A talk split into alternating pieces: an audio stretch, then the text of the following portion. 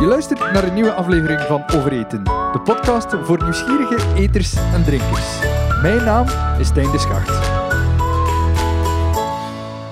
Welkom bij een nieuwe aflevering van Overeten. Bij ons in West-Vlaanderen hebben wij een favoriet dier. Het zwin is het schoonste der beesten, zeggen wij. Het zwijn, het varken, is het mooiste dier van allemaal. Er is een uh, nummer over geschreven en het is ook zo. Op al onze bals en ons feesten, het zwin is zo heren gezien.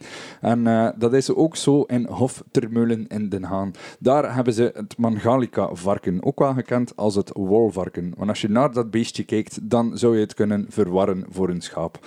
Al 15 jaar lang wordt er geboerd door Karl en zijn vrouw Tessa. En dat gaat niet altijd zonder slag of stoot. Het is een uh, boeiende stil, maar het is ook een moeilijke stil. Um, we gaan het hebben over het varken en de rest van de boerderij. Want het is niet alleen varkens wat dat jullie doen, als ik me niet vergis. Hè? Nee, um, het is eigenlijk geëvolueerd naar een, naar een volledig korte keten verhaal. En we zijn dan vandaag nog altijd aan, aan het verder bouwen om dat, dat circulaire uh, tot stand te brengen. Maar we zitten nog maar uh, aan een kwartje van de cirkel um, om, om het uh, gesloten te krijgen, zijn er waarschijnlijk nog vele stappen nodig. Maar kleine cirkels zijn toch ook al cirkels? Dat zijn ook al cirkels. En eigenlijk vele bolletjes, lekker in de kleuterklas, uh, kan je de volledige cirkel uh, op, opvullen. Um, maar ja, het is inderdaad begonnen met dat Mahalica-varken. Dat was... Dat Mahalica-varken, ik zei het al, de, een van de namen is het wolvarken. Um, ja. Je zou het kunnen verwarren met een schaap, omdat hij zo heel veel krulletjes op zijn rug heeft, toch? Klopt, dat was eigenlijk um, een van de redenen waarom dat we het Mahalika-varken gekozen hebben. Um, omdat we als, als klein boertje uh, ons wouden in de markt zetten en waren we eigenlijk op zoek naar een varken die niet op een varken leek. En dat was eigenlijk de insteek van mijn vrouw die marketing gedaan heeft. Um, dat ze zei van, ja, als we ons ergens wel op de kaart zetten, dan gaan we, moeten iets heel speciaals hebben. Ja, want als mensen denken aan een varkentje, ja, dan, dan uh, komen het, komt het beeld voor van dat klein roze dingetje, het biggetje, ja. uh, naar die grote uh, roze loebassen die, die dan met de biggetjes liggen in een stal. Ja. Maar dat is niet wat je kan doen met Mahalika varken denk ik. Nee, Mahalika is, is vrij wild. Allee, loopt in Hongarije gewoon op de, op de steppen. Um, en kan je inderdaad niet opsluiten. Allee, dat moet buitenbeloop hebben. Um, maar ja, gaandeweg, man dan eerst gegoogeld naar een, varken die niet op een varken lijkt. En, en dan kom je inderdaad bij dat Mahalica-varken. Maar dat bleek op, op als, in al zijn facetten eigenlijk te kloppen met hetgene dat we naar op zoek waren. Um, zowel qua gezondheid, want antibiotica gebruik in, in industriële varkenshouderij was toen vandaag al een stuk beter, maar een, een groot probleem. Um, dus dat Mahalika-varken kon buitenlopen, had van nature een grote immuniteit. Um, dat is voornamelijk met, met vetgehalte te maken. Um, en zijn wolhaar zorgde ervoor dat hij beschermd was tegen de zon. Want het is niet zodanig de koude die een probleem is voor die varkens om buiten te lopen. Maar in volle zon laat een roze varken zich zeer makkelijk verbranden. Soms kan dat met de dood tot gevolg zijn. Ja. Maar je zegt van ja, wij zijn beginnen googlen. Dat betekent dat als je je bedrijf begon, uh, dat je zoiets had van oké, een varken, ik vind dat een tof beest, ik vind dat een lekker beest, we gaan daar iets mee doen. Maar hoe gaan we dat nu doen? En dan, uh, dan komt de marketingstudies naar voren. Ja, um, het was eigenlijk zo dat we Oh, ik ga dat misschien heel kort proberen schetsen. 2007 hadden wij overgenomen en vrij snel omwille van die uh, financiële verplichtingen die, die bij een overname komen, uh, in een monocultuur-industrieel model geduwd waren. Met één hoofdteelt aardappelen en één dier hoofdteelt varkens, industriële varkens. Dat zaten tot een bepaald moment tot, tot 1400 varkens. Um, maar ja, we zaten daar eigenlijk in een model waar dat de marges zeer klein waren. Dat we nog moesten groeien om, om eigenlijk um, ja, verder te kunnen. En waar dat we dan 2010 um, meteen de perfect storm ook uh, tegengekomen zijn. We spreken dan over, achteraf bekeken, over uh, klimaat, over globalisering, over marktwerking en zo. maar 2011 hebben we dan eigenlijk voor de keuze gestaan van wat gaan we doen? Gaan we nog verder groeien om die tegenslag te verwerken? Of gaan we de korte keten opzoeken met meerwaarde? Want ja, je hebt overgenomen in 2007. Ehm, jij komt vanuit een, een, marketingachtergrond, uh, Tessa. Uh, jij komt vanuit een, een boerderijachtergrond. Was dat al zo'n bedrijf? Was dat al een uh, intens ja, teeltbedrijf, om het zo te zeggen? Nee, dat was een, een gefundeerd, eigenlijk alleen met, een, met een gevarieerd teelplan. En dat is iets die, dat we vaak gezien hebben in de afgelopen 20, 30 jaar in de landbouw. Door um, de verplichting naar, naar schaalvergroting, dat monocultuur ingetreden is. Als ik kijk naar 30 jaar geleden, en, en dat is soms het ironische dat, dat ik dan dikwijls aanhaal. Ik heb altijd graag geboerd tot op het moment dat ik boer werd. Um, omdat daar dan gedwongen wordt naar monocultuur, terwijl dat er 30 jaar geleden zeven teelten en, vijf dieren, uh, of vijf soorten dieren rondliepen. Um, en dan moet dat plots naar twee. En, en dan, ja, er zijn er die dat aan kunnen, maar wij konden dat niet aan. En die korte keten um, ja, was wel iets waar dat productwaardering uh, terug naar voren kwam. Ook sociaal contact met de mensen. Um, maar ja, om, om die stap te zetten als effectief klein, klein boertje, om, om toch ergens enige uh, marktbekendheid te krijgen, moesten we iets heel uitzonderlijk hebben. Um, en dat Mahalika-varken ja, was eentje die daar volledig in paste. Um, en dus eigenlijk had je wel al ervaring met varkens op dat moment. Ja, ja. En dan, dan is de stap eigenlijk al kleiner om een ander soort varken te gaan zoeken. Ja, maar nog niet echt bewust wat we... Mijn eerste vier varkens heb ik gekregen van mijn vrouw voor, voor mijn verjaardag in 2011. um, Letterlijk ingepakt met een strekje. Ja, maar ja, dat strekje was vrij complex geknobbeld, omdat uh, eigenlijk een beetje via Jimmy's Farm, uh, die toen de zondag op uh, ja, een of andere post speelde. En wat dan eigenlijk wel ontzag en, en bewondering voor hadden. Um, dus zit in Engeland. En wat bleek dat de enige Mahalika-varkens die toen op dat moment te vinden waren, ook in Engeland zaten. En uh, dan zijn we op een uh, mooie, zeer warme aprildag in 2011 naar Engeland gereden. Daar was drie maanden voorbereiding uh, aan vooraf gegaan. Uh, qua FAVV en bloedstalen en ja, quarantaine. Zeggen, uh, ja. Dat is toch een ticketje kopen, boot op of trein op ja. en uh, je bent er. Maar, ja, nee, maar dat was... en vooral omdat we zelfs nog zoveel varkens zitten hadden, mochten we geen enkel risico nemen dat daar iets fout ging lopen. Um, dus dat zijn we april 2011, een zeer warme dag, want de treinen hebben toestel gelegen en hier in België moesten dan grote camions met water aangevoerd worden voor die trein. Die dag zaten wij in Engeland. Um, we hebben die vier biggetjes in België gekregen, maar we zijn bijna in een Britse gevangenis terechtgekomen. Want, uh, je, had, je, had, uh, je had de politie toch geen pigs genoemd? Of zo? Uh, ja, nee, maar we stonden eigenlijk aan over, aan, allee, in de terugkeer al, um, aan de boot te wachten. En op een bepaald moment was daar een van de douaniers die zei: um, I think it's too hot today and you can't transport pigs. Um, en ja, we tonen alle papieren van kijk, we zijn daar al drie maanden mee bezig en, ja, maar die, die was onverbiddelijk. Maar die varkens zaten bij ons in de auto. En wij stonden op de parking. Tessa zat wat verder met die vier bijen in de auto, met airco bij, met alles. Is dat, eh, hoe moet ik me dat voorstellen? Want dat klinkt gelijk of dat je zo die bijen in de koffer zitten had, zoals een hond. Ja, klopt. En ook echt in een kennel.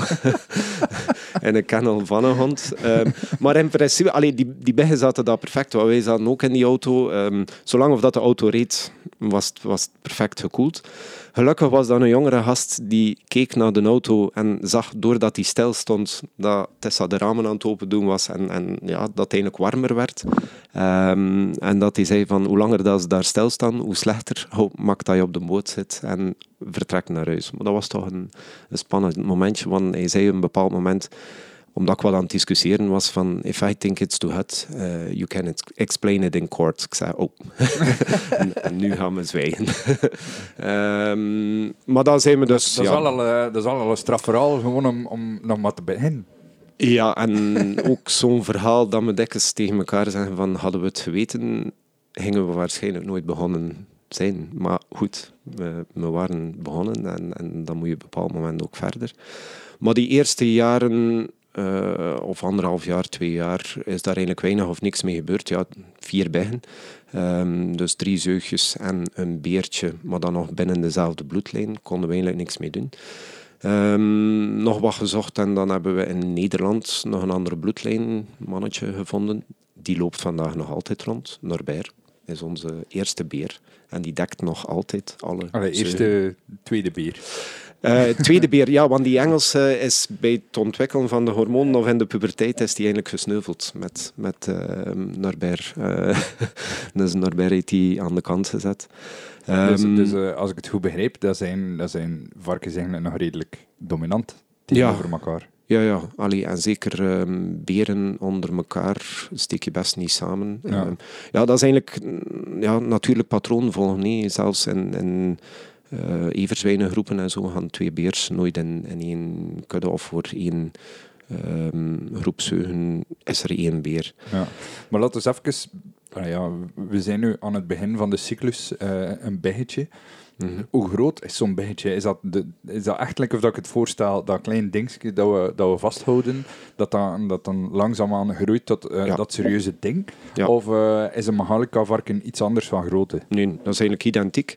Uh, die, die worden geboren op een kilo ongeveer. Um, en Misschien nog een leuk weetje. Uh, het aantal bijen per zeug, of per dier in, in de natuur, is het aantal tepels delen door twee. Een, een natuurlijk aantal. Uh, omdat we dikwijls in de industrie tegenwoordig zelfs horen van 18, 20 bijen per zeug. Maar dat klopt niet. Een zeug heeft maar 12 tot 14 tepels. Dus 6 à 7 bijen is normaal. Dus bij Mahalica is dat zo. Um, en dan heb je een van een kilo en dat groeit dat vrij snel allee, tot uh, in de eerste drie maanden tot 20 kilo. En... Ik, ik, hoorde altijd dat een varken alles kan eten, alles mag eten, alles probeert te eten. Ja, mm. natuurlijk voor de, de, de industrie, voor uh, de voedselveiligheid kun je dat waarschijnlijk niet alles uh, aan uh, bezorgen. Wat eet dat dan eigenlijk? Ja, daar hebben we in het begin mee geworsteld. We gaven dat gewoon industrieel meel mee met de andere varkens. Maar dat was eigenlijk een probleem, want die hadden vrij veel diarree. Die waren ook agressief, staartbijten en zo. Zelfs met, met veel plaats. En dat kwam er eigenlijk op neer dat dat voer te hoog energetisch was. Um, dus daar zaten te veel koolhydraten, daar zat te veel energie in per, per kilogram. Um, en dan bij toeval, omwille van een marktwerking met speld, zijn we volledige, de volledige speldplant, GPS noemen ze dat, um, beginnen voederen aan dat varken. En het probleem was opgelost. Dus daarbij hadden ze eigenlijk meer of de helft ruwe celstof. Lekker of dat wij vezels, een appel of, of like wat. Um, waardoor dat ze natuurlijk wel een stuk trager groeien, um, minder, iets minder vet aanzetten, maar veel rustiger waren. Dat ze heel de dag eigenlijk met een volle maag uh, rondliepen.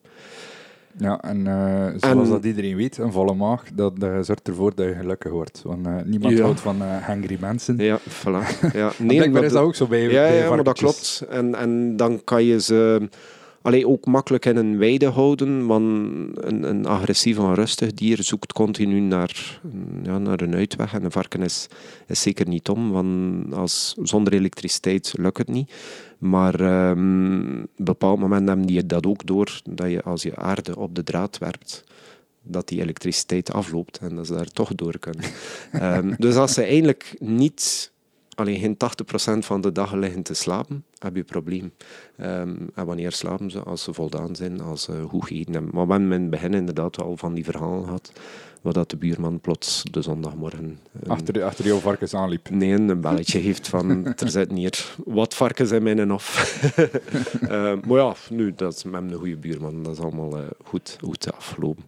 Um, maar ja, voeding, zowel voor ons als voor die varkens, is, heel belangrijk. En dat circulaire, dat is een, een punt um, ja, die vandaag nog altijd heel moeilijk is qua wetgeving, omdat je eigenlijk heel veel, en ik spreek dan ook over restaurants en zo, overschotten zou kunnen naar die varkens laten gaan, maar dat vraagt eerst uh, heel wat behandelingen um, om wettelijk in orde te zijn. Um, dus dat gebeurt niet, maar ik geloof daar wel in dat dat op termijn um, beter zou kunnen. Makkelijker wordt zoiets. Mm, ja, of dat er daar meer over nagedacht wordt wanneer iets wel zou kunnen gebruikt worden. Ja, maar in zekere zin, als ik denk aan wat er vroeger gebeurde, Ja. Ehm, ja, dan, dan was er een soort circulariteit, Ja. maar niet op een goede manier, want daar is de dioxinecrisis Voilà. uit ontstaan. Ja. Maar het is wel degelijk zo dat vetten en, en dergelijke hergebruikt werden om dan een veevoeder te gaan gebruiken, die dan opnieuw op ons bord belanden. Maar daar... Allee, er zijn eigenlijk... daar ook wel problemen mee geweest. Voilà, Eh, maar waar is het allemaal ontstaan? Of, of de grote probleem? En waarom zitten we vandaag met, met zo'n onevenwicht, ook qua vleesconsumptie? En ik... Eh, onder andere hier in de podcast ook gehoord van Hendrik eh Dierendonk, minder vlees, beter vlees. We zijn daar zelf ook de hoevenslagerij mee begonnen. Het moment dat we eigenlijk eten beginnen telen zijn om vlees te kweken. Het dier, het vlees, is een onderdeel van de kringloop. En als je die kan inzetten allee, in die kringloop, is het perfect in orde. Maar op het moment dat je eigenlijk alle aandacht in de kringloop naar dat dier begint te steken, en je moet maar in West-Vlaanderen een keer rondrijden, dan staat 80% van de grond gezaaid met voedsel voor dieren, mais, tarwe, ehm, gras. Maar eigenlijk moet dat varken, vroeger, heel het jaar de restjes opeten en in november geslacht worden om dan de winter te overbruggen met goed vet varkensvlees. Ehm, en dat onevenwicht zijn we zelf ook... Allee, psychisch is dat nog altijd een, een, een knoop om, om te ontwarren van hoe kun je die kringloop heel natuurlijk weer tot stand brengen. Ehm, maar daar zouden we eigenlijk terug naartoe moeten, ook qua klimaat en zo. Er zitten daar heel veel oplossingen. Maar ehm, ja, de, de, de structuren van vandaag zijn er niet meer op afgestemd om dat tot stand te laten komen. is soms ook niet omdat wij als, als consument in het leven waarin dat we leven eigenlijk een stuk verwijderd staan van waar dat ons eten komt. Ik bedoel, je hebt ja, dankzij je hoevenslagerij en, en, en de winkel op de boerderij wel een contact met klanten. Maar ja, heel veel mensen die gaan gewoon naar de supermarkt. En Ja. daar liggen een, een schelletje vlees eh, verpakt in cellofaan. Klopt. En, en dat contact is er inderdaad niet meer. Dan krijg je ook al die verhalen van allee, ehm, dierenrechtenorganisaties naar slachthuizen. En, maar dat zijn allemaal fragmenten die eruit genomen worden en die uitgelegd worden.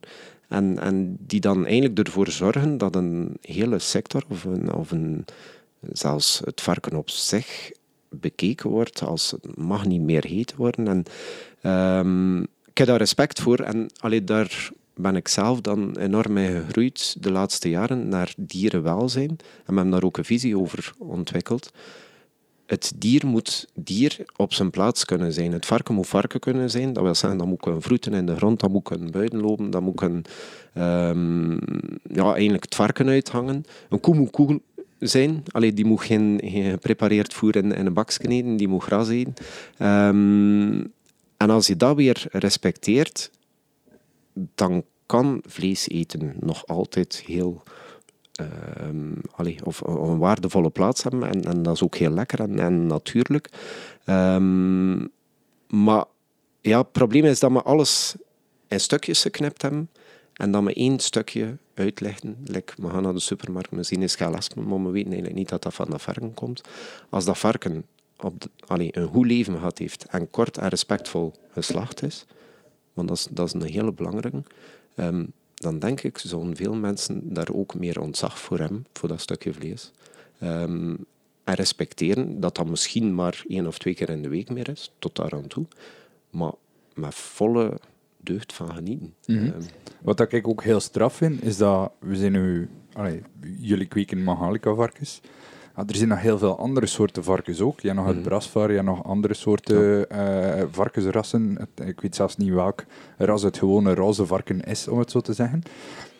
Ja, ik weet niet wat dat verschil is tussen al die rassen, behalve het uitzicht dat het Mahalika varken eh, een beetje meer eh, haar op zijn eh, rug staan heeft en het, het, het Menapi varken van Dierendonk dat hij eruit ziet als een punker. ja. Maar als ik in een winkel kom, als ik in een, zelfs in een gewone slagerij tegenwoordig, ik, ik zie geen verschil. Er ligt gewoon varkenskoteletjes, er Ja. ligt gewoon ribbekes. Er ligt eigenlijk gewoon een brok eiwit. Allee, en, en dat is een beetje hetgeen... ehm, Want qua genetica zijn al die varkens verschillend en hebben allemaal een, een eigenheid. Maar dan heb je nog dat... Allee, die, die zo is gewoon in, in de culinaire wereld, die terroir, die zo belangrijk is. Ehm, Waar bij, dat, dat bij bijvoorbeeld vind ik dat dat veel meer uitgesproken is. Het is veel makkelijker om, om te kiezen tussen een West-Vlaams rood of een Simmentaler of uh, noem maar op. Terwijl bij varkens zie ik dat niet zo gebeuren op dit moment. Omdat al die varkens in datzelfde hokje en datzelfde voer zitten. Of in datzelfde voer eten en, en datzelfde hokje zitten. En dan komt dat niet meer tot uiting, maar wij hebben dat even getest met die gewoon industriële BL, Belgisch landvarken, uh, varkens ook laten buitenlopen. Um, en dan krijg je al direct een heel ander soort vlees. En dat is een beetje ja, het probleem met, met het ophokken van dieren in feite, dat je, dat je het dier geen dier mee kan laten zijn. En ja, dan is die, die, dat onderscheid in, in rassen niet meer uitgesproken. Terwijl Mahalika heeft bijvoorbeeld de grote eigenschap van veel vet op de boom of veel onverzadigd vet. Dus als, ze, als we bezig zijn met snijden en versnijden, um, dan heb je zo een olijfachtig, uh, olijfolieachtig gevoel op je dan. Bij kamertemperatuur is dat al, begint dat al te smelten. Dus onverzadigde vetten smelten bij lagere temperatuur. Dat is dan ook nog een keer goed voor de cholesterol en zo. Maar dat is een beetje pitch talk voor, voor te verkopen. Maar alleen, Mahalika brengt dat ook maar tot uiting als hij in zijn natuurlijke varkensomgeving kan, kan lopen. Steekt dat in een hokje, sluit dat op. En dat gaat ook weer direct veel minder tot uiting komen. Ja, want ik, ik las ooit van dat ras dat dat uh, omschreven werd als de wagyu van de varkens. Ja, klopt. Dus um, allee, het intermusculair tussen de spieren dat er vet kan liggen, dat is dan een band wit vet. Um, of intramusculair. Een wagyu zit dat intramusculair in het vlees. Dat is dus uh, het, het gemarmerde effect ja, dat je ziet van een, van een wagyu. Dat is al, dat, dat wit die tussen dat rood van die spieren zit. Ja, ja. En, um, en Mahalika heeft dat ook. Allee, soms, maar wij werken nog met een beenhouwer thuis, kan die dan als ook komen met een stuk vlees. Dan zeg, moet ik eens squinnen dat dat hier... Uh, gemarbreerd is. Um, dat vind ik wel mooi dat dat zo vertelt, want dat, dat toont ook dat die mens nog, nog uh, vuur heeft voor wat dat hij doet. Ja, maar we zien dat wel... Allee, en we zien dat ook elke... Allee, we slachten elke week een aantal varkens. En, en het verschil ook in, in dat aantal per week is ook soms heel groot. En dat kan je dan soms ook wel een beetje terugbrengen naar van ja, die was wat ouder of die, ja, ik weet dat die uh, vrij veel beweging uh, kan, ook, kan ook belangrijk zijn. Um, en dat blijven we wel elke week. En dan gaan we ook kijken naar de klant, allee, die daar belang aan heeft, die daar waardering voor, voor heeft, gaan we makkelijker een, een schoon gemarbreerd stukje. Dan zit elke week ook een bij die minder gemarbreerd is.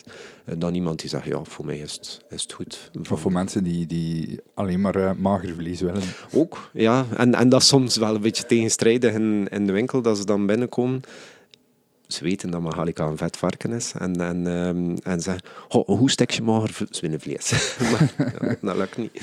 Um, maar vooral ook, ik vind dat ook altijd raar, want eh, vet is smaak. Ja, voilà. Allee, als, je dat, als je dat goed in de pan uh, zet. En zeker van het varken. Uh, allee, smut, zoals wij dat noemen, het, de reuzel van het varken, dat, dat is altijd toch een, een smaakbom. Ja. Uh, ik, was in, ik was in Mexico in, in september vorig jaar, stage aan toen in een restaurant. En um, ik ging op een bepaald moment stoofvlees maken. Mm -hmm. En dan, dan bracht ik een kilo boter in de pan om al het vlees mooi aan te kleuren. En dan, dan hadden we eigenlijk de discussie over het vet. Want dus een, een basissmaak van je keuken wordt ook bepaald door welk vet dat je gebruikt. Mhm. En de Mexicaanse keuken die gebruiken heel veel uh, reuzel, mm heel veel smot. En uh, ja, daar zit toch al een, een, groot verschil van basissmaken. En uh, misschien is dat zelfs een beetje verleerd bij ons, want ja. vroeger was dat toch veel normaler om een boterham met reuzel te smeren. Zeker, en, en dat is ook het opwaarderen allee, van kop tot staart. Want als je nog een, een grappige anekdote in. Allee, het eerste jaar dat we dan echt de markt op gingen of, of op zoek gingen om, om de markt op te gaan, lieten we dat varken, maar man totaal geen ervaring met versnijden, versnijden door een externe beenhouwer. Man dat gebracht en we kregen dat terug. En man, laten we zeggen, op 100 kilo kregen we 30 kilo terug. Dat is weinig. Ja, maar Mahalika heeft nu eenmaal heel veel vet. En die beenhouwer in klassieke opleiding had geleerd van al dat vet weg te snijden. Dus die had eigenlijk het laatste stukje vet weggesneden en, en ja, dan hou je niks over. En ja, met Mahalika moet je dat leren van, van, dat, van dat vet eigenlijk op, op, ja, op de juiste plaats weer, weer te waarderen. Maar het is inderdaad dat het vet op zich houdt ook heel veel smaken vast. Allee, als, als je qua kruiding en zo gaat dat veel makkelijker oplossen in, in vetten dan, dan in, ei, in eiwit lost het niet op. Ehm, dus ja, dat zijn zo van die dingen dat we inderdaad vergeten zijn. En dat mensen bij ons toch soms wel op zoek zijn naar een potje smot. Um, maar pas op, het is al heel veel werk aan. Dus ik moet zien dat ik dat hier niet te veel promoot. Maar um, ja, het, het volledig um, opwaarderen van, van het dier uh, hoort daar ook bij. Mm. Uh, van dat smout weer in, in het circuit te steken. Ja, hetzelfde van andere delen van het varken. Hè. De, de, de oren, uh, de, de, de neus. De oren, staart. oren, poot, staart, kop gaat volledig in hoofdvlees. Maar dan ja, vanaf daar.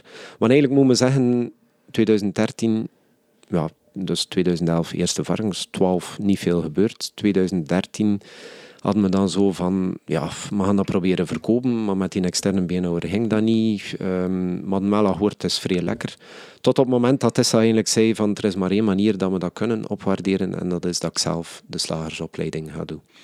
Dus zij heeft dan in 2013 een ja, jaar dagonderwijs, slagersopleiding, als enige vrouw of twee, uh, zeker, in uh, Sintra-West.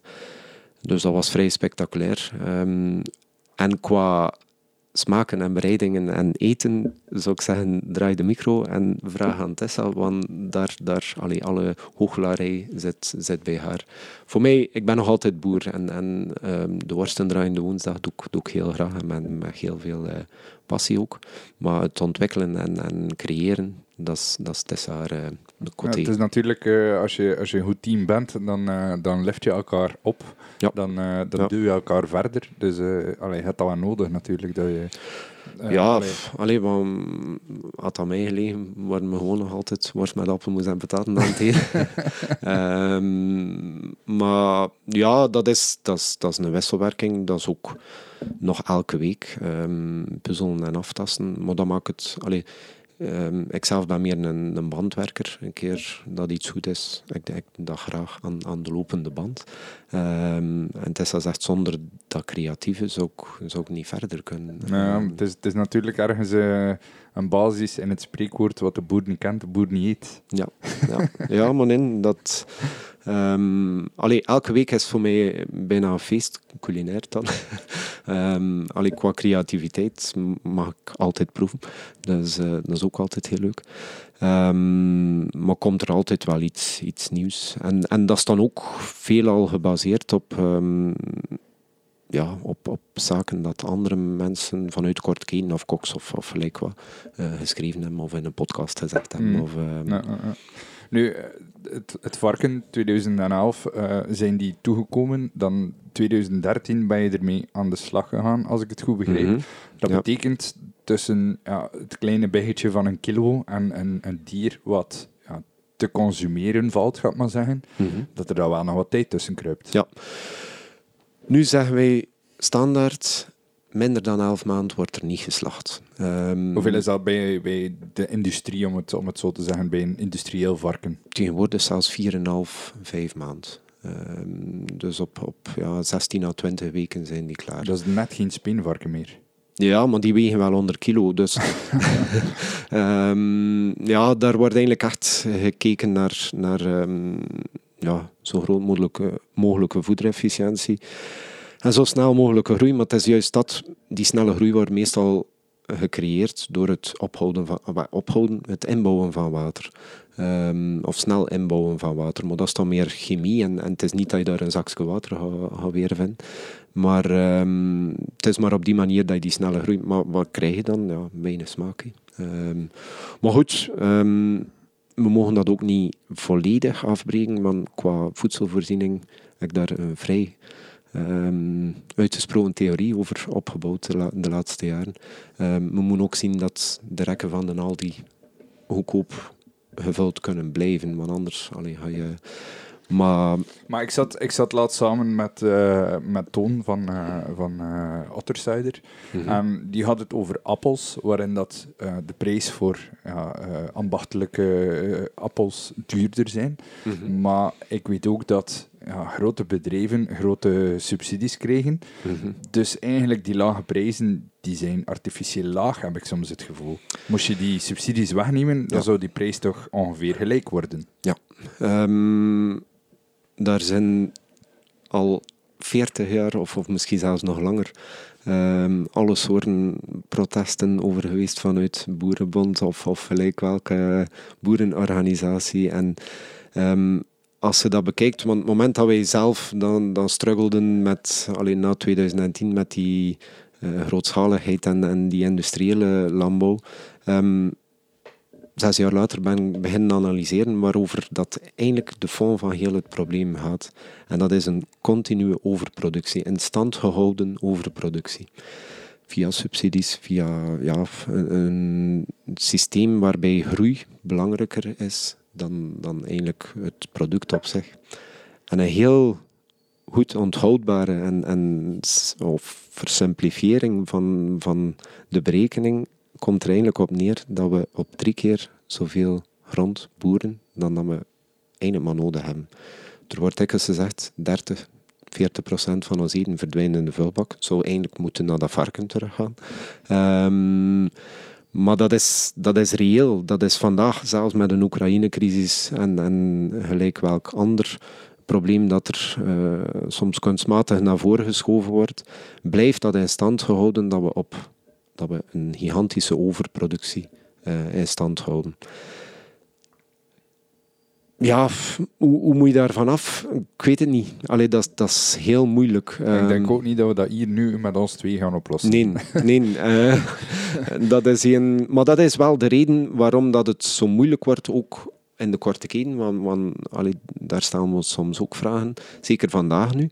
Ehm, bijvoorbeeld, wij zijn volledig omgeschakeld naar bio, maar bio zit vandaag in het, in het verdomhoekje. Ehm allee, daar, de mensen hebben het idee, bio is duur, dus alles is al zo duur, we gaan niet naar de biowinkel. Terwijl dat vele bioproducten vandaag inmiddels goedkoper geworden zijn dan hangbaar, omdat die anderen zodanig gestegen zijn.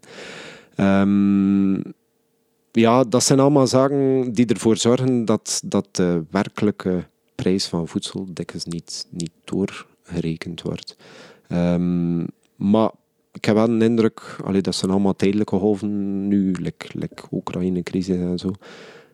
Uiteindelijk denk ik dat er een groot deel mensen echt eten wel apprecieert. En, maar je moet soms ja, proberen op een creatieve manier naar, naar voren te brengen. Maar zeker in het begin, als je dan met die varkens begint, Mhm. mensen zijn gewoon van bij jou eh, op grote schaal eh, het, het Belgische landvarken eh, te kopen. En dan zeg je van, ja, maar we gaan dat niet meer doen. We hebben hier andere varkentjes. Ehm, let's go. Mhm. Dat is toch ook niet zo evident dan? Eh, ja, nee. dat, was... ehm, ja, ehm, de hoofdreden was, was om in de picture te springen met dat Mahalika-varken, maar we hebben daar gaandeweg nog veel moeten leren. Ehm, zeker qua vetgehalte en zo. Ehm, intussen dus, werken... dus enerzijds dat je zelf moet leren hoe, hoe, hoe dat, dat varken zich gedroeg, hoe dat, dat varken Ja. groeide, wat dat, dat varken allemaal nodig had. Want je zei al dat je overvoedde, dat, je, Mhm. eh, dat ze ontsnapten eh, Ja. enzovoort. Ehm, d- d- in, in, in dierentuinen, daar geven ze ehm, ja, dieren eh, speeltjes om zich eh, bezig te houden. Is dat ook Ja. iets wat je eigenlijk moet doen met zo'n Ja. varkens? Speeltjes in de zin van ja, letterlijk zorgen dat er bomen staan, of boomstrong. Er ligt bij ons ook een, een grote oude boom, waar dat ze helemaal twintig keer verrold hebben. Ehm, ja, ze moeten, ze moeten de plaats hebben, ze moeten eigenlijk ook ehm, van elkaar kunnen weglopen. Dat is ook een belangrijk, maar dat is met de mensen. Ze komen ook niet alle dagen goed overeen. Ehm, en als ze plaats hebben om ook hokafscheidingen in de weide, dat ze eh zich een keer kunnen wegsteken, dat ze zeggen van laat mij gerust. Ehm, al zo'n dingen hebben we moeten leren en, en ehm, leren we vandaag nog altijd. En dat is wel iets, als je nu zegt, of dat juist zeg ik, er is nog maar een, kwartje van de cirkel die, die rond is. Ehm, een van die zaken, denk ik, die nog kunnen verbeteren, is, is een herder eh, die eigenlijk met de dieren bijna dagelijks zou kunnen rondtrekken. Maar dan zit je weer met een prijsverhaal. Wie wil dat betalen? Ehm, En waarschijnlijk heb je zelf ook tijd tekort om eh, Ja, alle dagen met de varkens op pad te gaan. Wij zitten nu echt aan ons limieten qua, qua ja, mogelijkheden per dag. Want, want Ehm, het is natuurlijk eh, mooi en ideaal om je dat voor te stellen, maar jullie doen nog veel meer dan enkel die varkens. Hè. Mhm. Jullie doen nog aardappelen, doen nog witloof, doen nog andere groenten. Eh, Die zijn nu wel weg. Allee, sinds 2015 hebben we dat. Maar wat dan we wel, en daar geloof ik heel sterk in, dat we weer veel meer boeren nodig hebben. Ehm, kunnen we dat zelf? Nee. Maar als er vandaag zich iemand geroepen wordt om bij ons te komen boeren, kan dat. We hebben dat ludiek geïntroduceerd in 2019 via volkstuintjes. Ehm, dus daar zitten nu eh, tussen de 15 en 20 mensen die een volkstuin hebben. Een volkstuin op jullie boerderij. Ja, op 2500 vierkante meter zit 15 man. Maar die hebben vandaag al, al meer variatie en diversiteit gecreëerd dan, dan wij zelf in, in de afgelopen 30, 40 jaar. Ehm, maar om dat dan ook nog een keer te vermarkten, dat is dan weer nog een stap verder. Ehm, maar ik geloof er heel sterk in dat, dat wij zelf de boerderij niet gaan overlaten aan één andere boer, maar aan twintig nieuwe jonge boeren. Een die soort, soort coöperatie, maar Ja, dan anders ja, zoals alleen- we ze nu kennen. daar moet over nagedacht worden. En daar is, daar is ook interesse. Twee jaar geleden kregen wij eh, iemand over de vloer die zei ik, alleen een jonge gast, die, die ehm, zei ik wil vier vijfde gaan werken en, en ik wil een vijfde boeren. Ehm, en in principe zou dat moeten kunnen, maar de wetgeving laat dat vandaag ook nog, nog moeilijk toe. Maar je wordt niet zomaar boer. Allee. Dus ja... ehm, Je had dat even moeten uitleggen. Je wordt niet zomaar boer. Het is niet een kwestie Ja, van als je een, wel- een boerderij te kopen, eh, te beginnen zaaien eh, Ja. en dan, voilà, klaar. Kan in principe wel, maar als je wil meedingen op de markt, ga je moeten, en dan zijn we weer bij die subsidies, ook ehm, proberen aanspraak te maken op een FLIF-subsidie, op overnamesubsidies, ehm, om, u, om uw product betaalbaar in de markt te zetten. En dan komt het, ja, dan van die basisvoorwaarden dat uw inkomen minimum voor de helft uit landbouw moet komen. En, en, maar ze zijn dat aan het versoepelen, ze zijn daaraan aan het werken, waardoor dat er eigenlijk gemakkelijker zal kunnen geboerd worden.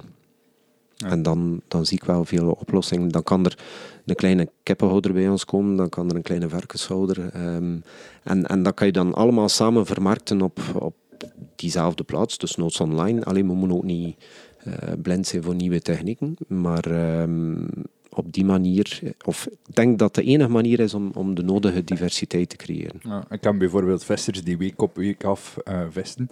Mhm. Ja, die zouden dat fantastisch vinden, eh, denk ik. Allee, Ja. die, toch die ene mens dat kan. Ja. Die zou dat fantastisch vinden om eens een week af eh, aan land dan zoiets te kunnen doen. In de winkel hebben ook af en toe alleen mensen die daar zeker. En allee, voor mezelf zou dat fantastisch zijn, of een van de grote realisaties binnen 20, 25 jaar, dat je zegt van kijk, ehm Hoftermeulen op zich heeft niks meer met ons te maken, ehm, maar blijft bestaan als een duurzaam landbouwmodel. Ehm, die molen zit daarin, dat kringloopverhaal zit daarin. Ja, dat, dat is iets dat ik bijna van droom. En, en er zijn voorbeelden in de wereld die dat al gerealiseerd hebben. Met Richard Perkins in, in Zweden. Ehm, dat is allemaal met een regeneratief landbouwmodel die, die eigenlijk wel rendabel is op zich. ehm, maar die ja, heel gedurfde stappen nodig heeft in het begin om tot stand te komen. Ja, en dat is altijd het moeilijke als je al een, als je daarnet zei van wij hebben overgenomen, wij werden richting een bepaald model geduwd. Ja, dan, dan is het heel moeilijk om uit dat bepaald model te stappen. Ja, dat is een van de grootste punten. Die flexibiliteit bij overname is allee, nul qua flexibiliteit, omdat je direct met een financiering zit die meestal tussen de 20 en de 30 jaar loopt. Dus dat kan je niet zomaar zeggen, ah, de markt is veranderd, eh, we gaan heel ons model veranderen. En, en dat was een van de grote punten voor ons. En het duurt ook zeer lang op het moment dat wij zeiden, we gaan de korte keten instappen, en we zelf moeten zeggen, van, geef ons zeven jaar om, om ehm, het ene af te bouwen en het andere op te bouwen. Dat is gelukt, maar zeven jaar was echt wel een minimum. En allee, we, zijn nog niet heel waar dat we dachten te zijn, maar, maar ja, we zijn... Maar je hebt het gevoel dat je in de juiste richting gaat, want anders zou je niet Ja. blijven trekken en sleuren. Ja, vooral ook, en dat is voor mij wel een hele belangrijke geweest, ehm, het, het krijgen van kinderen. Ehm, op dat moment begin je echt na te denken van, wat is mijn plaats hier in het geheel vandaag en in de toekomst. En ook naar, naar um, geschiedenis toe van heb ik iets betekend voor de toekomstige generaties. Um, en dat kan alleen maar op een, op een duurzame manier. Want daarvoor was, was varken voor mij ook een Excel-hokje. Ik moet daar eerlijk in zijn. Maar geëvolueerd daarin en ja, dat besef um, is, is een hele grote. En dat is, dat is de hoofdreden om, om verder te trekken aan een duurzaam model. Ja. We gaan nu even uh, terug naar, naar het varken. Um, mm -hmm. Wij hebben ook zoiets als het, als het speenvarken, uh, een klein beetje op het spit. Is dat iets wat hij kan met het Mahalica varken ook eigenlijk? Zou je kunnen, maar dat is een van onze van die basisprincipes dat we toen, uh, op ja, 2017 zeker, hebben, gezegd van kijk, jonge dieren gaan we niet slachten. En echt onderbouwd, omdat net daarom, dan ga je weer eigenlijk te veel kweken. Um, en, en dat is ook puur dierenleed in feite, omdat je, je gaat dat weg doen we ook niet geforceerd. Gaat natuurlijk als uh, moederzeug zegt van ben mijn bij beu. Uh, of omgekeerd dat de zegt, zeggen we zijn weg, dan is het goed voor ons, maar we gaan ze niet uh, wegtrekken. En het slachten van een speenvarken vind ik eigenlijk te gek voor woorden, omdat dat dier is niet volgroeid. Dat is eigenlijk um, ja, niet, of, of heeft zijn taak niet ten volle volbracht. Um, ik kan wel verstaan, en, en ik heb dat ook nog geen, dat dat lekker kan zijn, maar we doen het niet. Um, ook... We verkopen zogezegd wel lamsvlees van een collega-boer uh, in de streek, maar dat is eigenlijk schapenvlees. Allee, dat zijn volgroeide, volgroeide schapen. Um, en, en, ja. De mensen die naar de, naar de slagerij komen, die hebben dat niet gehoord. um, het lamsvlees is lam. Uh, ja, ja, maar allee, jonge dieren hoeven eigenlijk niet geslacht te worden. Um, en dat vind ik allee, een van de principes waar je dan ook wel met, met een goed gevoel of ethisch gevoel kan mee verder gaan um, in het kweken van dieren. Ja, want dat is, dat is een hele bewuste keuze. Ja. Om minimum elf maanden uh, oud te zijn voordat die uh, mogen geslacht worden. Ja. betekent dat ook dat je soms dieren ouder laat worden omdat ze nog niet klaar zijn? Of dat kan, ja, want allee, het ene dier groeit ook rapper af het andere. Um, ook naar seizoenen toe. Allee, er zijn bepaalde periodes in het jaar dat wij merkelijk meer verkopen dan, dan anderen. En dan houden we wat achter in de kalmere seizoen. En um, ja, het is niet zo dat we heel strikt zeggen van die is op gewicht, die moet weg. Um, ook een beetje aan, aan type, want bij de Mahalica zei je ook nog de, de rode, de zwaluwbuik en de witte. Daar zit ook wat verschil in. De ene groeit wat trager. Dat ga je even moeten uitleggen. Dat ja, zijn nog eens gewoon, onderverdelingen ja. van, het, van het ras of zo. Ja, klopt. Um, die zwaluwbuiken is, is eigenlijk ja, zwart met een witte buik. Um, die groeit wat trager, dus die kan je wat gemakkelijker achterhouden. Um, en, en zo kan je wel wat spelen allee, met de seizoenen ook. Dus, um, maar die elf maand is zoiets... Beneden de elf maand gaan ze onder de 100 kilo eindigen. En dan is het rendement eigenlijk... Uh, niet meer of ja, voor ons niet verantwoord. Maar het had dan toch al heel wat energie en tijd in gestoken. Ja, wat ik straf vind, is dat het Mahalica varken is een ras die ongeveer 150 jaar oud was. Uh, Een goede 30 jaar geleden bijna uitgestorven was. Ja. Um, dat betekent ook, ja, als je ze vertelt van, ja, we vonden ze niet, we hebben ze in Engeland moeten gaan zoeken, we hebben dan toevallig nog een beer gevonden in Nederland, mm dat dat ook niet evident is om veel informatie te vinden over dat ras. Nee, omdat... Um, ja, en zelfs vandaag nog altijd allee, krijgen wij vrij veel telefoons, telefoons of dat we geen levende allee, willen verkopen. We hebben daar ook een interne regel dat we dat niet doen. Um, juist omdat er eigenlijk nog zo weinig zijn. Um, er zijn een mondiaal dan, een aantal echte fokkers die, die uh, met stamboom werken en zo.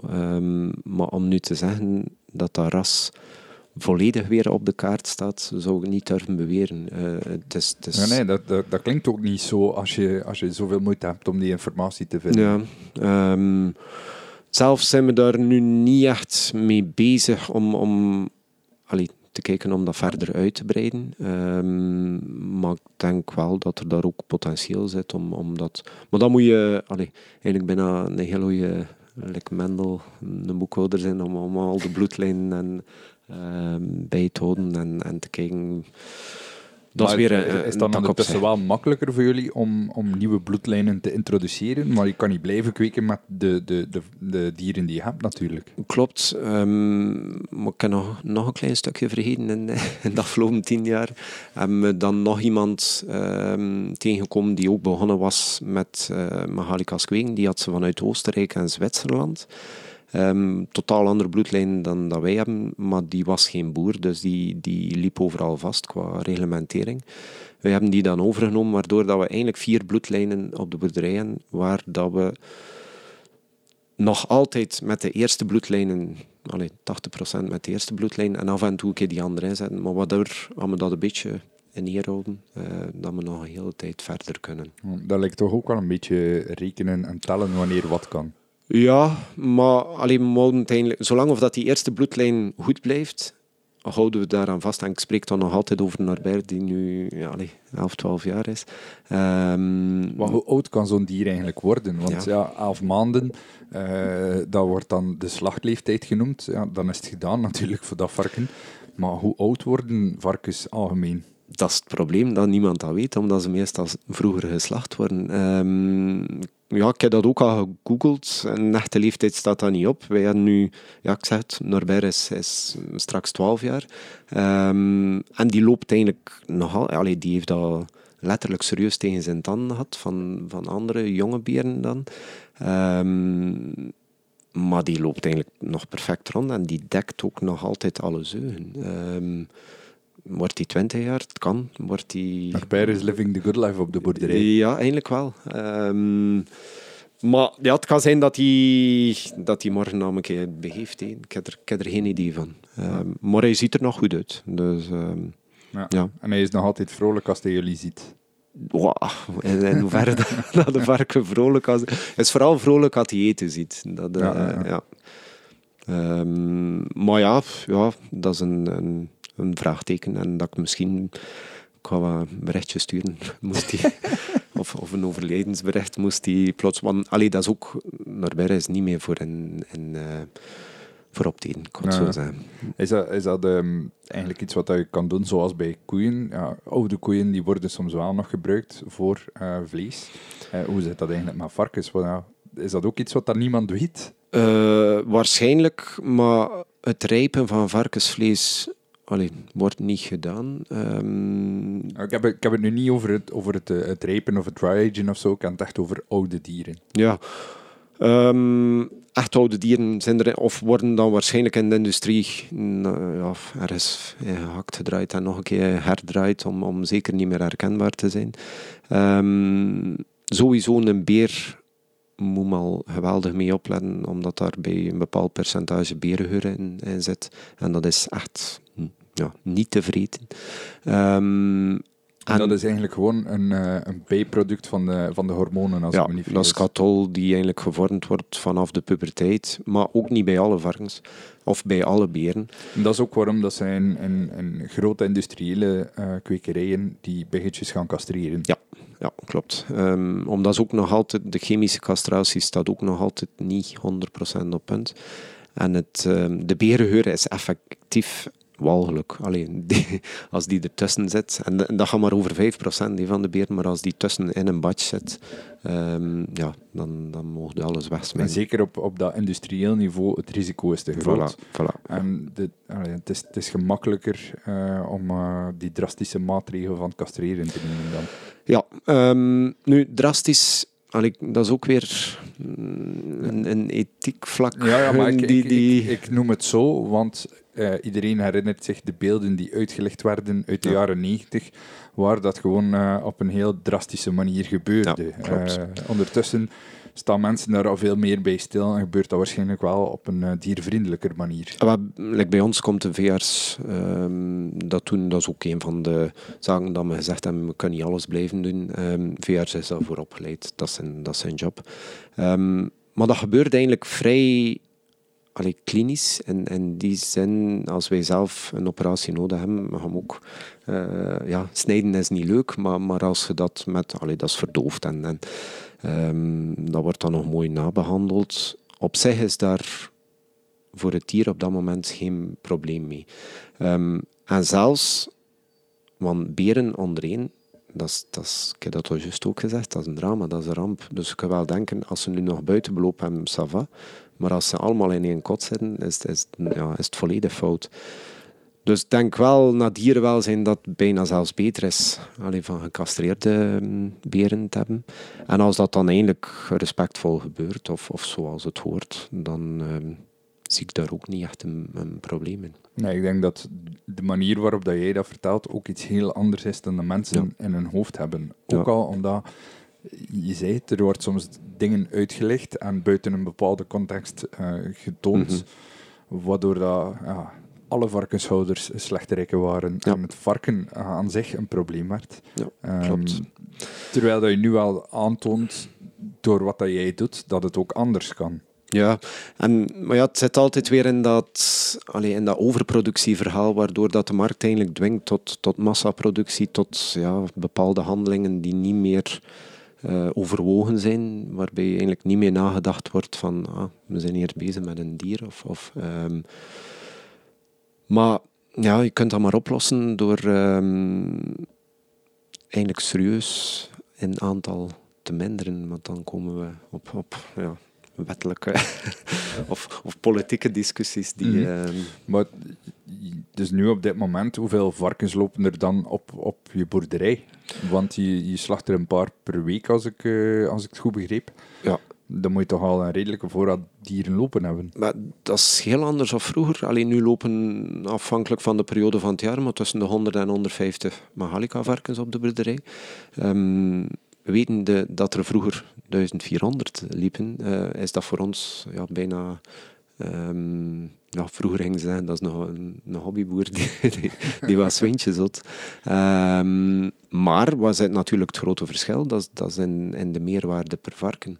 En heel in het begin zei je dat wel, allez, bij rondleidingen ook wel een keer, aan gemiddelde industrievarken over drie, vier jaar bekeken hadden we 2 euro over. En aan Mahalika-varken, heel juist ga ik het hier nu ook niet uit de doeken doen, maar, maar spreken we toch bijna over een, ja, soms zelfs 50 fout. Um, en, en ja, dat, maar dat zit hem in, in het creëren en waarderen van dat vlees en, en dan um, ja, een cordon bleu maken en, en daar, daar zit juist de, de, meerwaarde. Ja, en als je natuurlijk een aantal van die tussenfactoren uh, ertussenuit haalt, ja. uh, ik, ik, denk uh, als, je, als je kijkt dat iedereen een marge wil nemen, dat mm -hmm. gaat van de slager die een marge neemt, mm -hmm. tot de, de groothandel die zijn marge neemt, tot de, sla, de slachterij die een marge neemt, tot de, de, alle stappen de retail, ja. Dat klopt, en iedereen moet leven en, en iedereen moet zijn marge nemen, want anders blijft het niet, niet lopen. Maar de vraag is of dat er een aantal schakels wel moeten. Mm -hmm. um, en dan ook, allee, als je dan kijkt in die langere keten, zitten daar een aantal schakels ja, die bepaalde marges hebben die toch heel wat hoger liggen dan, um, dan, dan de beginschakels. Um, sorry. maar ja, dat... dat het liberale systeem laat ook toe dat daar, dat, dat niet fout is, Allee, dat dat mag. Um, er is dan maar één manier als producent om, om te zeggen van ik voel me daar eigenlijk niet zo goed bij. Dat is van die consument onmiddellijk te benaderen. Maar dat is moeilijk, dat is lastig. Um, Maar al die tussenstappen hebben ook wel een, een waarde. Maar ik denk dat, dat het is moeilijk, het is lastig. Uh, maar jullie en heel veel andere boerderijen ondertussen bewezen wel dat het kan en dat er een, dat er een vraag voor is ook. Ja. ja, pas op. En er zijn daar ook allee, in die tussenstappen heel veel dingen. Voor mij zeker wat dat een nieuwe wereld open gaat. Like, wij, wij rijpen ons hammen nu zelf. Um, die hangen van achterin naar haar. Um, ja, consument, of de, de, klanten zijn eigenlijk super content van, van het eindproduct. Um, maar dat geeft ook wel een, een goed gevoel dat, dat je daar eigenlijk uh, ja, dingen aan het creëren zit dat je um, vroeger totaal geen oog voor had. Um, ik zeg het van het Excel-vakje dat het varken was, dan ga je nu eigenlijk echt een, een, een volledige opwaardering krijgen. Ja, en als je die, die worsten draait elke woensdag, dan, dan is dat ook wel iets wat je trots op bent, dat dat dan ja. in de winkel ligt. Ja, eigenlijk wel. En, en allee, een worstruin en een schone worstruin, dat is ook nog, nog een verschil. En ik ben er ook nog, uh, nog elke week uh, mee bezig om, om dat zelfs wat te verbeteren. Um, maar dat zijn juist, en ook elke week um, verdwijnt er wel zeker een halve kilo, een kilo gekapt, die, die tijdens het verwerken al verdwijnt. Uh, maar dat is puur ook om te proeven en dan moet dat zeggen tegen elkaar, ja, het is goed gekapt van de week. Uh, ja. Um, ja, maar ja, quality control is belangrijk. Ja, ja, um, ja zo'n dingen um, zijn ook wel drijfveren om, om, om verder te doen.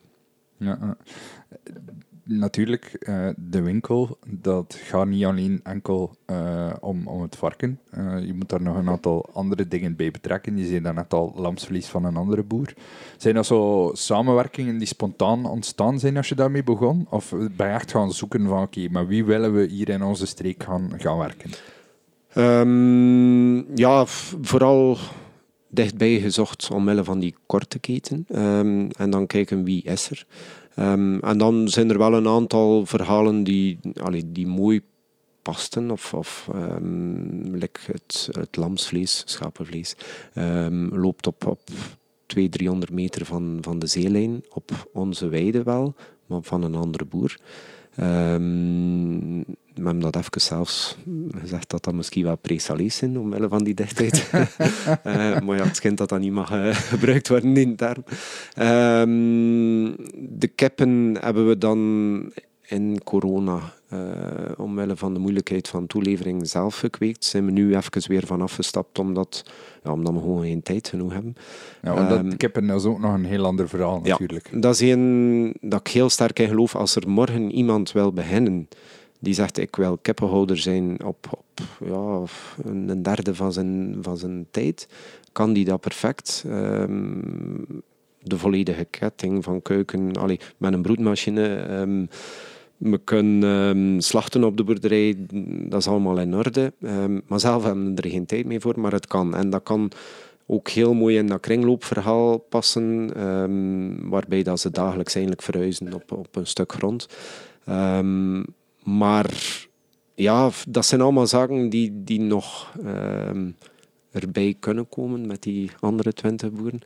Um, rundvlees hebben we nu ook een collega van wat verder over de taalgrens. Hij is een limousin-rund. Um, waar dan we zeer tevreden van zijn, maar die misschien nog leuker zou zijn, moest bijvoorbeeld Jersey hoeven. Uh, dat we de stierkalveren kunnen opkweken. Maar dat, allee, bij rundvlees zit het wat moeilijker omdat, omdat het recht zo groot is. Ja, uh, dus, serieuze beesten. Ja, voilà.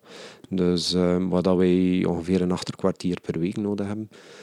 Ja, allee, als, als er geslacht worden, kan je moeilijk alleen het achterkwartier voorzien. Dus, maar misschien natuurlijk, allee, hoe, hoe moet je dat zeggen, build it and they will come. Ja. Het kan misschien uh, zo uitdraaien ook als je, als je meer ter beschikking hebt, dat er meer vraag komt. Um, dat is altijd een moeilijke afweging. Ja, dat ik wil een... niet zeggen nee, nee, je moet doen nee, of zo. um, nu, en, en in het vlees zelf ook zien we wel bepaalde evoluties. Uh, kip blijft het zeer goed doen. Um, rundvlees is, is, is een moeilijke. We echt een niche-markt worden. Um, ik denk dat dat um, voor velen zelfs misschien een keer in de maand gaat worden, of, of een keer in de week uh, gaat heel veel zijn.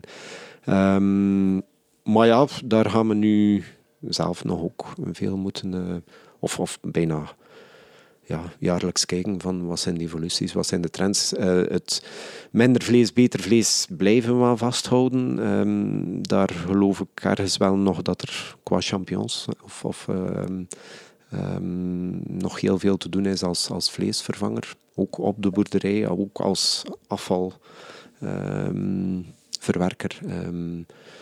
maar ja, het zijn allemaal puntjes. Dus als er mensen zijn die nu zeggen van, oh, dat lijkt mij wel iets om, om te gaan doen, mogen ze altijd een, een mailtje sturen. de contactgegevens staan altijd onderaan in de show notes. Dus daar kun je links vinden naar uh, alles wat dat jullie doen. Ja. Dus mensen die geroepen voelen. Uh, of, dat... of, als je iemand kent die zou kunnen geroepen zijn, geef het door. Ja, um, allee, in, dat, in dat kringloopmodel zijn er heel veel vakjes in te vullen.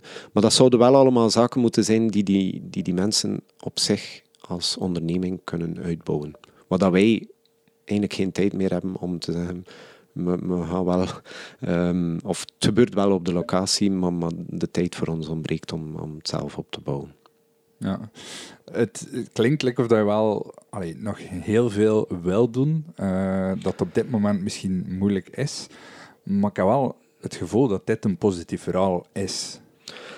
Ja, ik denk het wel. Alleen want anders bestonden we verzekerd vandaag al niet meer. Um, en en uh, er zijn ook nog of er zijn heel veel momenten waar, dat je, dat je echt die, die productwaardering en, en um, ook persoonlijke waardering wel van, van de omgeving krijgt. Ook, um, ja, zeker in, de beginfase was dat ook wel leuk met bepaalde restaurants, like, Steen van de Kruidenmolen en zo, die, die dat dan echt mee ondersteunen van te zeggen, niet opgeven, voortdoen, uh, allee, zet, zet daar iets in. Um, en dat had je dan ook wel, wel een keer nodig op, op dat moment. Ja, en je neuzen kun je ook altijd kwijt bij hem, de kroketjes van uh, varkensneus zijn fantastisch. Klopt. um, ja, maar ik weet nog goed, het eerste jaar dat, dat Stijn um, zei hij van kijk, die eerste maand, als je wat over hebt, breng het, ik ga het kopen, ik ga het betalen, like of dat, of dat ja, gewoon in de winkel ligt. Um, en achter ja, een jaar en een half zeker uh, kwam hij nog een keer in de winkel. Bijna op zijn knie van, hij nog het wel over? um, ja, dat, allee, dat zijn wel leuke um, appreciaties. En, en, Wat dat heel tof is aan, aan Steen, is dat hij ook heel bewust naar uh, mensen rond uh, ja. het restaurant gaat. Hè. Hij, hij, gebruikt kaas van uh, het ja. Reigerhof, hij gebruikt melk voor het ijs van de Jersey Hoeve. Ja, ah, dat zijn allemaal dingen die letterlijk op een steenworp van het restaurant liggen. Hè. Ja, en dat is um, allee, in de korte keten eigenlijk nog wel een hele moeilijke. En voor Stijn is dat zeer appreciabel dat hij dat wel doen en kan doen. Um, maar dat er nog zoveel rondgereden moet worden. Um, wij zelf gaan nu kijken in, in, in het heel korte om ook te laten leveren via de post. Dat klonk vijf jaar geleden misschien nog heel ridicuul, maar... dat was um, zeer moeilijk om uh, verse voeding uh, geleverd um, te krijgen. Maar allee, dat, is, dat is sterk geëvolueerd en, en ik denk wel dat we daar um, een meerwaarde kunnen creëren. ook het online gebeuren. En op die manier kan de korte keten ook misschien nog meer uh, penetreren in, in, in het horecaverhaal. En... Ja, wat ik altijd moeilijk vind aan wat dat jullie doen, is je werkt hard, je werkt heel veel. Um, het is natuurlijk op de boerderij. Mm -hmm. Ja, je verhaal tot bij de mensen krijgen is soms niet altijd evident. De mensen ja. moeten al de weg gevonden hebben naar jullie om een deel van dat verhaal te kunnen meekrijgen. Ja. Um, maar het internet, uh, de marketingachtergrond, dat zijn misschien wel dingen die, die twee dingen samen, die daar een verandering in kunnen betekenen voor jullie, toch? Uh, klopt zeker, en, en dat is bijna een wekelijkse opgave om, om de klant te contacteren en op de hoogte te houden. Um, maar bijvoorbeeld, allee, moet dat ook niet wegsteken, het feit dat we hier nu, nu zitten, dat zijn allemaal kanalen dat je, dat je kan aanwenden om, om, om dat product wat gekender te maken. Um, de klantenkaart bij ons via een joint klantenkaartsysteem is um, zeer belangrijk. Omdat je, ja, je ligt niet in de kerkstraat. He. Je moet, moet eigenlijk bijna visueel... En, en, ja, en niet alleen dat, maar in elk dorp is er, is er wel waarschijnlijk iemand die een gelijkaardige visie heeft als jullie. Ja, zij hebben ook datzelfde probleem natuurlijk. En ja, de boodschap die blijft gelijk, ongeacht de locatie, denk ik dan. Ja, klopt. En er mogen er nog veel bij. Oh, sorry. Um, veel meer bijkomen zelfs. Maar misschien moet. Um, uh, ja, het, het naar voren komen, de lijzen komt als één groep de lijzen naar voor. Uh, ja, korte ketenproducten kunnen dat misschien ook, maar ik weet het niet als, als dat wel zo nodig is om dat opnieuw te groeperen. Um, als, als diversiteit misschien juist geen troef is. Maar het moet wel toegankelijk zijn om, om er makkelijker aan te geraken. Ja, want ik, ik kan me ook voorstellen dat uh, de oude dame die hier in de straat woont, die afhankelijk is van uh, trein, tram en bus om ergens te raken, ja. ja. die raken niet tot bij jullie. Nee, dat klopt. Dat, uh, dat is soms heel moeilijk ook op, op die manier. En het aantal slagers die zo'n dingen kunnen aanbieden in de stad, ja, die verminderen ook. Mm -hmm. Ja, klopt, heel zeker. Um, het postgebeuren kan daar misschien aan tegemoet komen, want de oudjes moet je niet onderschatten qua iPhone en bestellen online. Um, maar misschien is er ook nog iets die. Um, moest, pak nu bij ons de boerderij nog meer uitgroeien tot een marktplaats. Um, via bepaalde belevenissen. We hebben bijvoorbeeld ook alpaca-wandelingen en, en um, nog wat andere zaken. Dat je uh, wat? mensen kunnen komen wandelen met een alpaca. Um, ah, Oké, okay, zo op random. Ja, ja, ontstaan in corona en, en eigenlijk wel Allee, had, had toevallig nog een alpaca liggen of zo? Nee, nee de alpaca is er eerst gekomen als attractie voor toerisme. Um, en dan bleek dat men... Allee, gevoel, constant dat mensen terug op zoek zijn naar contact met de natuur. De manier waarop dat je dat doet is misschien niet meer zo geitenwolle sokken. Het eh, kan wel moderner zijn. Um, ik denk dat dat ook goed is, dat het niet meer geitenwolle ja, sokken voilà. is. Ja, en, en dat is soms eh, ook wel iets dat je nog altijd moet tegen vechten als korte keten. Um, ook, ook bio en zo, dat zit nog altijd in een hoekje van ja, van geitenwolle sokken, terwijl dat, dat misschien zelfs het meest innovatieve zou kunnen worden. En misschien ook noodzakelijk. Alleen van, ja, qua vele ecologische uitdagingen uh, kunnen zij daar een mooi antwoord bieden. Um, maar stel dat er bijvoorbeeld een, een belevingsmoment is op de boerderij en, en uh, het rusthuis of, of um, komt met heel de groep uh, langs en, en dat dat eigenlijk allemaal geïntegreerd wordt naar, naar belevingslandbouw. Um, dan kan dat wel zijn dat, uh, dat het toegankelijker wordt. Um, je, hebt, je, hebt, ondertussen ook organisaties zoals, zoals Boeren en Buren die een soort ja, ja, boerenmarkten organiseren op niet zo uh, alledaagse locaties. Bijvoorbeeld, uh, ik weet van, uh, van Jeff, die hier ook in de podcast was, dat bij hem in het café een boerenmarkt georganiseerd geweest is. Ja. Um, dat, dat, zijn ook dingen die helpen, denk ik dan. Zeker, en wij hebben daar in beginfase ook zelf naartoe geweest, maar daar allee, was het, um, het strikte uur een beetje probleem. Dus wat merk je eigenlijk overal? Dat je moet een flexibiliteit tonen. Um, en ja, hoe meer dat je daar kan aan tegemoet komen, hoe, hoe gemakkelijker dat je in de markt geraakt eigenlijk. Ja. Ik zou het heel leuk vinden moest ik uh, naar de supermarkt kunnen gaan of naar een, een slager kunnen gaan en verschillende soorten varkensvlees naast elkaar kunnen zien. Vandaag zijn in Magalica, morgen een brasvar, mm -hmm. uh, overmorgen een, uh, een, een, uh, een, een Iberisch zwijn. Is dat iets wat je ook ziet gebeuren in de toekomst? of, of denk je van dat, dat is een model wat we niet direct gaan zien? Nee, voor ons denk ik inderdaad niet direct. Tenzij dat je zegt, ja, die diversiteit heeft ook nog een... Maar het probleem is weer dat je dat er heel veel energie en, en inspanning gaat kruipen in het uh, ras zuiver houden, in, in het mm, op de boerderij brengen, ook qua registratie en reglementering en zo. Dus zonder dat dat gaat vertaald zijn in, in meer prijs. Ah, ik, um, ik, ik, ik, wil nu niet zeggen dat dat iets is wat dat jullie, jullie moeten doen, ja. maar ik zou dat wel heel leuk vinden, moest dat, net zoals dat we met, met rundsvlees kunnen kiezen uit mhm. verschillende mm -hmm. soorten, dat we dat ook met het varken zouden kunnen. Maar dat zou bijvoorbeeld wel kunnen, moest buurman X of buurman Y met een ander concept starten en, en dat dat dan een, ja, binnen een bepaalde straal, dat je zegt, ik heb daar een enorme variatie als, als consument, daar geloof ik wel in. Um, of, of als een van die twintig boeren een andere ras, dan, dan kan het zeker wel. Um, en en allee, diversiteitsopbouw is, is zeer belangrijk. Maar het probleem is dat het ja, soms ook niet allemaal zelf kunnen. Ja, klopt. Ehm, Nu, eh, diversiteitsopbouw, laat ons eerlijk zijn, diversiteit in het eh, varken zitten er heel veel lekkere stukken. Eh, Mhm. er is veel meer dan enkel de ham en de kotletjes of de Mhm. ribben.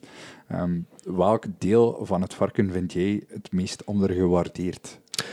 Zonder twijfel. Ah, ondergewaardeerd. Ik dacht dat je ging zeggen het lekkerste.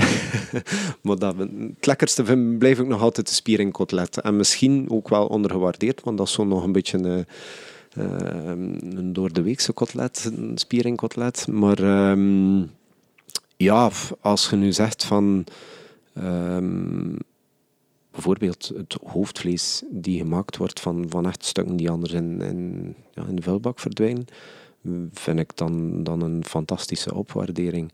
Ehm, ook wat dat mezelf ook doen, is, is met de snijlingen droge worst maken. Maar een goede droge worst, allee, dat, dat, dat zijn allemaal dingen die anders in, industrieel makkelijk in de vuilbak verdwijnen. Ehm, dat we zelf toch wel iets mooi kunnen van maken. En al die technieken, bewaartechnieken, pekelen en zo, zijn allemaal om, om net 100% van, van dat dier te benutten.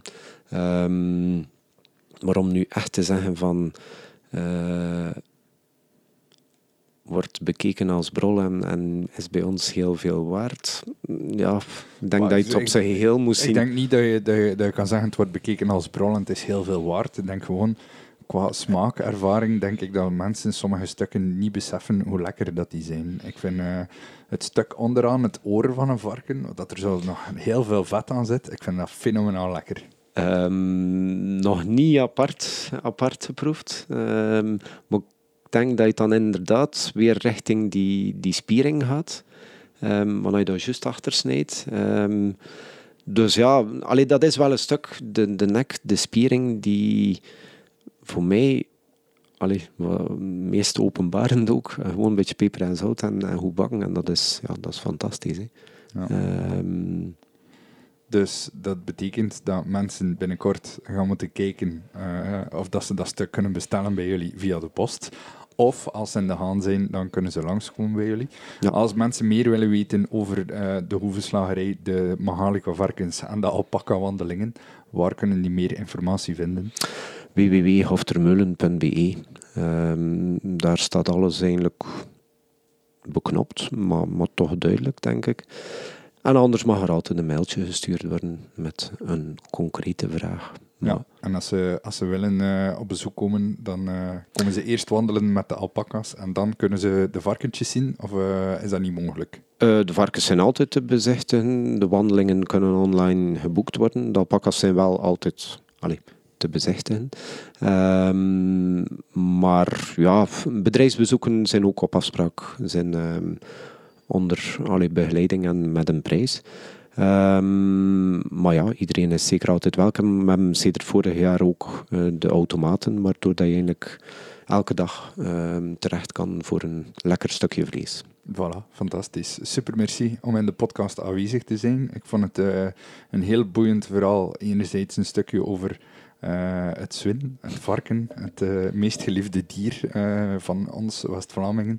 Eh, maar tegelijkertijd ook eh, een aantal interessante visies op eh, het korte verhaal. Dus eh, dikke merci. Misschien eh mogen we nu het zwin de bieten gaan jagen. Dat is ook een dat ik eigenlijk nog heel herlijk is zou doen, maar letterlijk nog nooit kunnen laten doen, maar die, die enorm veel meerwaarde zou hebben. Want dat zwinnen in de berenjagen was vroeger een dat ze deden na het rooien. Dus om even eh, duiding te geven aan niet-West-Vlamingen, dat betekent het eh, varken door de pieten jagen. Ja. En dat, eh, ja, dat moet vroeger gebeurd zijn ter entertainment. En dat betekent eigenlijk ja, feest gaan vieren. Ja, en, en, want dat was ook een letterlijk feest voor die varkens, omdat je na het rooien bleven er overal staartjes en, en, en stukjes van de bieten zitten in de grond. En omdat eigenlijk, want dat kan, zijn dat dan een keer in, in scholen uitgeteld hoeveel dat, dat was, dat kan zelfs nog tot 10, 20 procent van, van de totale opbrengst zijn. Eh, dan lieten ze die varkens daarin ploegen. En ja, dan, dan was alles opgekuist. En dan, dan, dan die varkens eigenlijk weer een, perfect als stofzuiger werkt om, om, om, alles mooi... En de grond was intussen schoon omgewoeld. maar ook als, als, je, als je kijkt naar aardappelkweek, uh, niet, niet alle aardappels aan de rand van het veld, die raken uit het veld. En, en maar ziet, dat is weer die kringloop van het leven die, die zo belangrijk is. Je moet dat varken eigenlijk weer kunnen inzetten op ja, op, op, cruciale punten in, in de natuur. En één dat ik misschien nog, allee, het is een beetje filosofie, maar, maar in heel het kringloopverhaal, een hele schoon hoort in, in The Biggest Little Farm, um, waar dat ze zijn, de motor van het leven zit waarschijnlijk in de tijdelijkheid van het leven. En je moet daar een heel goed over nadenken. In alle systemen in de natuur, um, eeuwig leven, dat bestaat niet en dat is nergens goed voor. Um, het is overal een, kringloop waarbij dat alles ten dienste staat van de volgende stap. En ik vond dat een hele schoon. Ja, ik denk dat dat zeker zo is en ook een hele mooie is om mee af te sluiten. Dus nogmaals, dikke merci. En uh, dan uh, ga ik binnenkort wel op de boerderij om een mooi stukje vlees komen. Fantastisch, bedankt. Bedankt om te luisteren naar Overeten. Vond je het een leuke aflevering? Deel deze podcast dan zeker met andere foodies. Tag me gerust op Facebook of Instagram via @overetenpodcast. Honger naar meer? Dat is mijn maandelijkse nieuwsbrief vol eet, drink en luisterplezier.